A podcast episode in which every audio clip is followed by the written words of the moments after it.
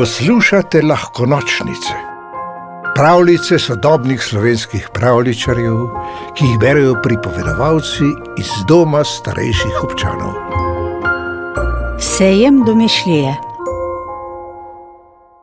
Čisto blizu nas živijo zmaji, v svoji deželi, tam, kjer beseda nekaj šteje in kjer vijugajo zelene reke. Zmaji so plemeniti in pravični. Ko gredo nabirati gobe, nabirajo buče, ko gredo spat, vzide veliko modro kvadratno sonce. Poleti se sončijo na svojih terasah in jedo jagode, pozimi pa se zbirajo ob ognjiščih, kjer si pripovedujejo zgodbe in pridobijo toliko ognja, da ga potem bruhajo vse leto, kadar so jezni in kadar se borijo za nekaj dobrega. Le en zmaj je bil, ki ni bruhal ognja. To je bil zmaj vid. Bil je majhen in mlad in lep in namesto ognja je bruhal besede. Na milijone besed, besede v vseh jezikih sveta, niti ene same besede ni bilo, ki bi jo v pogovoru uporabil dvakrat, toliko jih je poznal. Besede je znal pravilno skrajšati, jih po potrebi podaljšati, če se je prehladil, je rad kihal in celo med kihanjem je znal sam sebi reči: Na zdravje! Bil je tako hiter govorec, da je ob deževnih dnevih pozdravil vsako kapljo dežja, po zimi vsaki snežinki povedal, da je lepa. Večkrat je po noči gledal skozi okno, kako pada sneg, in videl je, da tam daleč nekaj žari. Močno si je želel odkriti, kaj je tam. Ker je bil tako čudovit in poseben, so ga vsi poznali in ga občudovali. On pa je pometal gost in vsakogar prijazno pozdravil. Zvečer je v svoji hiški sredi gozda sam poslušal radio, bral debele slovarje in pil kakav. Vse dokler ni zasijala zelena zvezda in si je zaželel, da bi bili na njegovi mizi dve skodelici kakava, v omari pa dve čudoviti svileni pentlji, s katerimi si zmaji krasijo svoje repe. In prišel je dan, ko si je zmaj vid na glavo poveznil visok cilinder, okrašen z značkami Zmajevske čebelarske zveze, si pripel metuljčka in obu oranžne škorenčke. V mestu je bil sejem domišljije. Na trgu je vse vršalo in žužljalo. Stare zmajevke so prodajale velike slastne zasmojene medenjake, divji zmaji so jezdili plamene in mlade zmajčice so spogledljivo mežikale, se prestopale v puhastih copatkih in nad njimi so plavali oblaki trepetajočih iskric. Mali zmajčki so se radostno vrteli na velikih mlinskih kolesih, njihove mamice pa so srebale koktajle iz lave, okrašene z rezinami ananasa in drobnimi pisanimi kamenčki.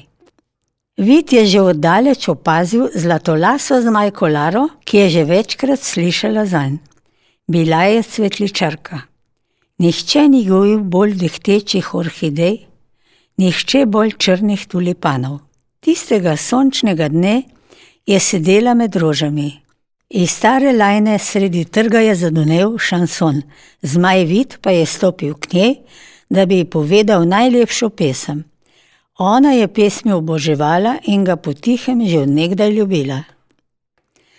Zajel je sapo, jo še enkrat zajel, da bi govoril, govoril na tisoče besed, da bi ji povedal, kako lepa se mu zdi, kako rad bi jo povabil na kakav, na sprehod po Zmajevskem gozdu, na let čez Maurično nebo, a bruhnil je slab vročega rdečega ognja. Enkrat, dvakrat, trikrat. Stara lajna je še lajnala, on pa je zbežal in zlatolasa zmajka je gledala za njim. Brez glavo je bežal, vse do zelene reke čisto sam. Po reki so pluli okrašeni čovni, na njih zmajčice s klobučki, zmajčki s pipami, iz katerih se je sukal dim.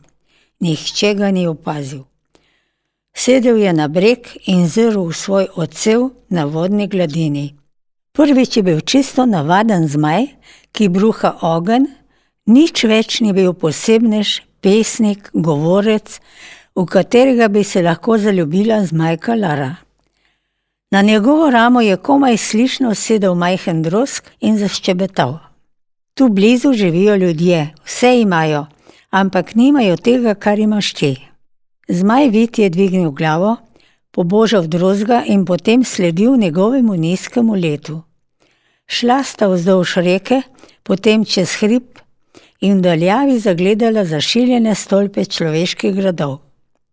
Naprej moraš sam, daj ljudem to, kar so nekoč že imeli, pa so izgubili. Tako je zmaj prišel k ljudem. Videl jih je, kako vedno sami hodijo po dolgih sivih cestah in kako jih je strah. Videl je osamljenega starčka in zapuščenega otroka in potem je stopil med ljudi. Na sredini mogočnega grajskega dvorišča se je ustavil, se dvignil v vsej svoji zmajevski lepoti in moči. Še vedno je hrepenel. Ljudje so ga ozrli, z vseh koncev so prihajali in ga obkrožili.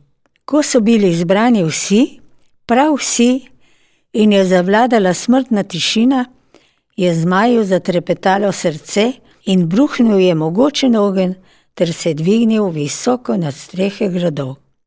Letel je in okušal svobodo. Videl je, kako ljudje sedijo ob njegovem ognju in se držijo za roke. In videl je malčka v starčkovem naročju, slišal je zgodbe, ki so si jih pripovedovali. Ena od njih je bila zgodba o tem, kako sta zmaj vid in zmajka Lara sedela pod dežnikom zaljubljenih in frcala frnikole. Bučman, si res mislil, da te ne bom več imela rada? Ne samo, da sem mislil, tudi verjel sem v to. Tako zelo sem bil žalosten. Lara ga je nežno objela. Vseeno mi je, ali bruhaš besede ali ogen, drusk mi je povedal. Naslonila je zlatolaso zmajevsko glavo na njegove prsi in poslušala bitje velikega pogumnega srca. Pravljico napisala Nina Kokol, pripovedovala Mimi Žerjav.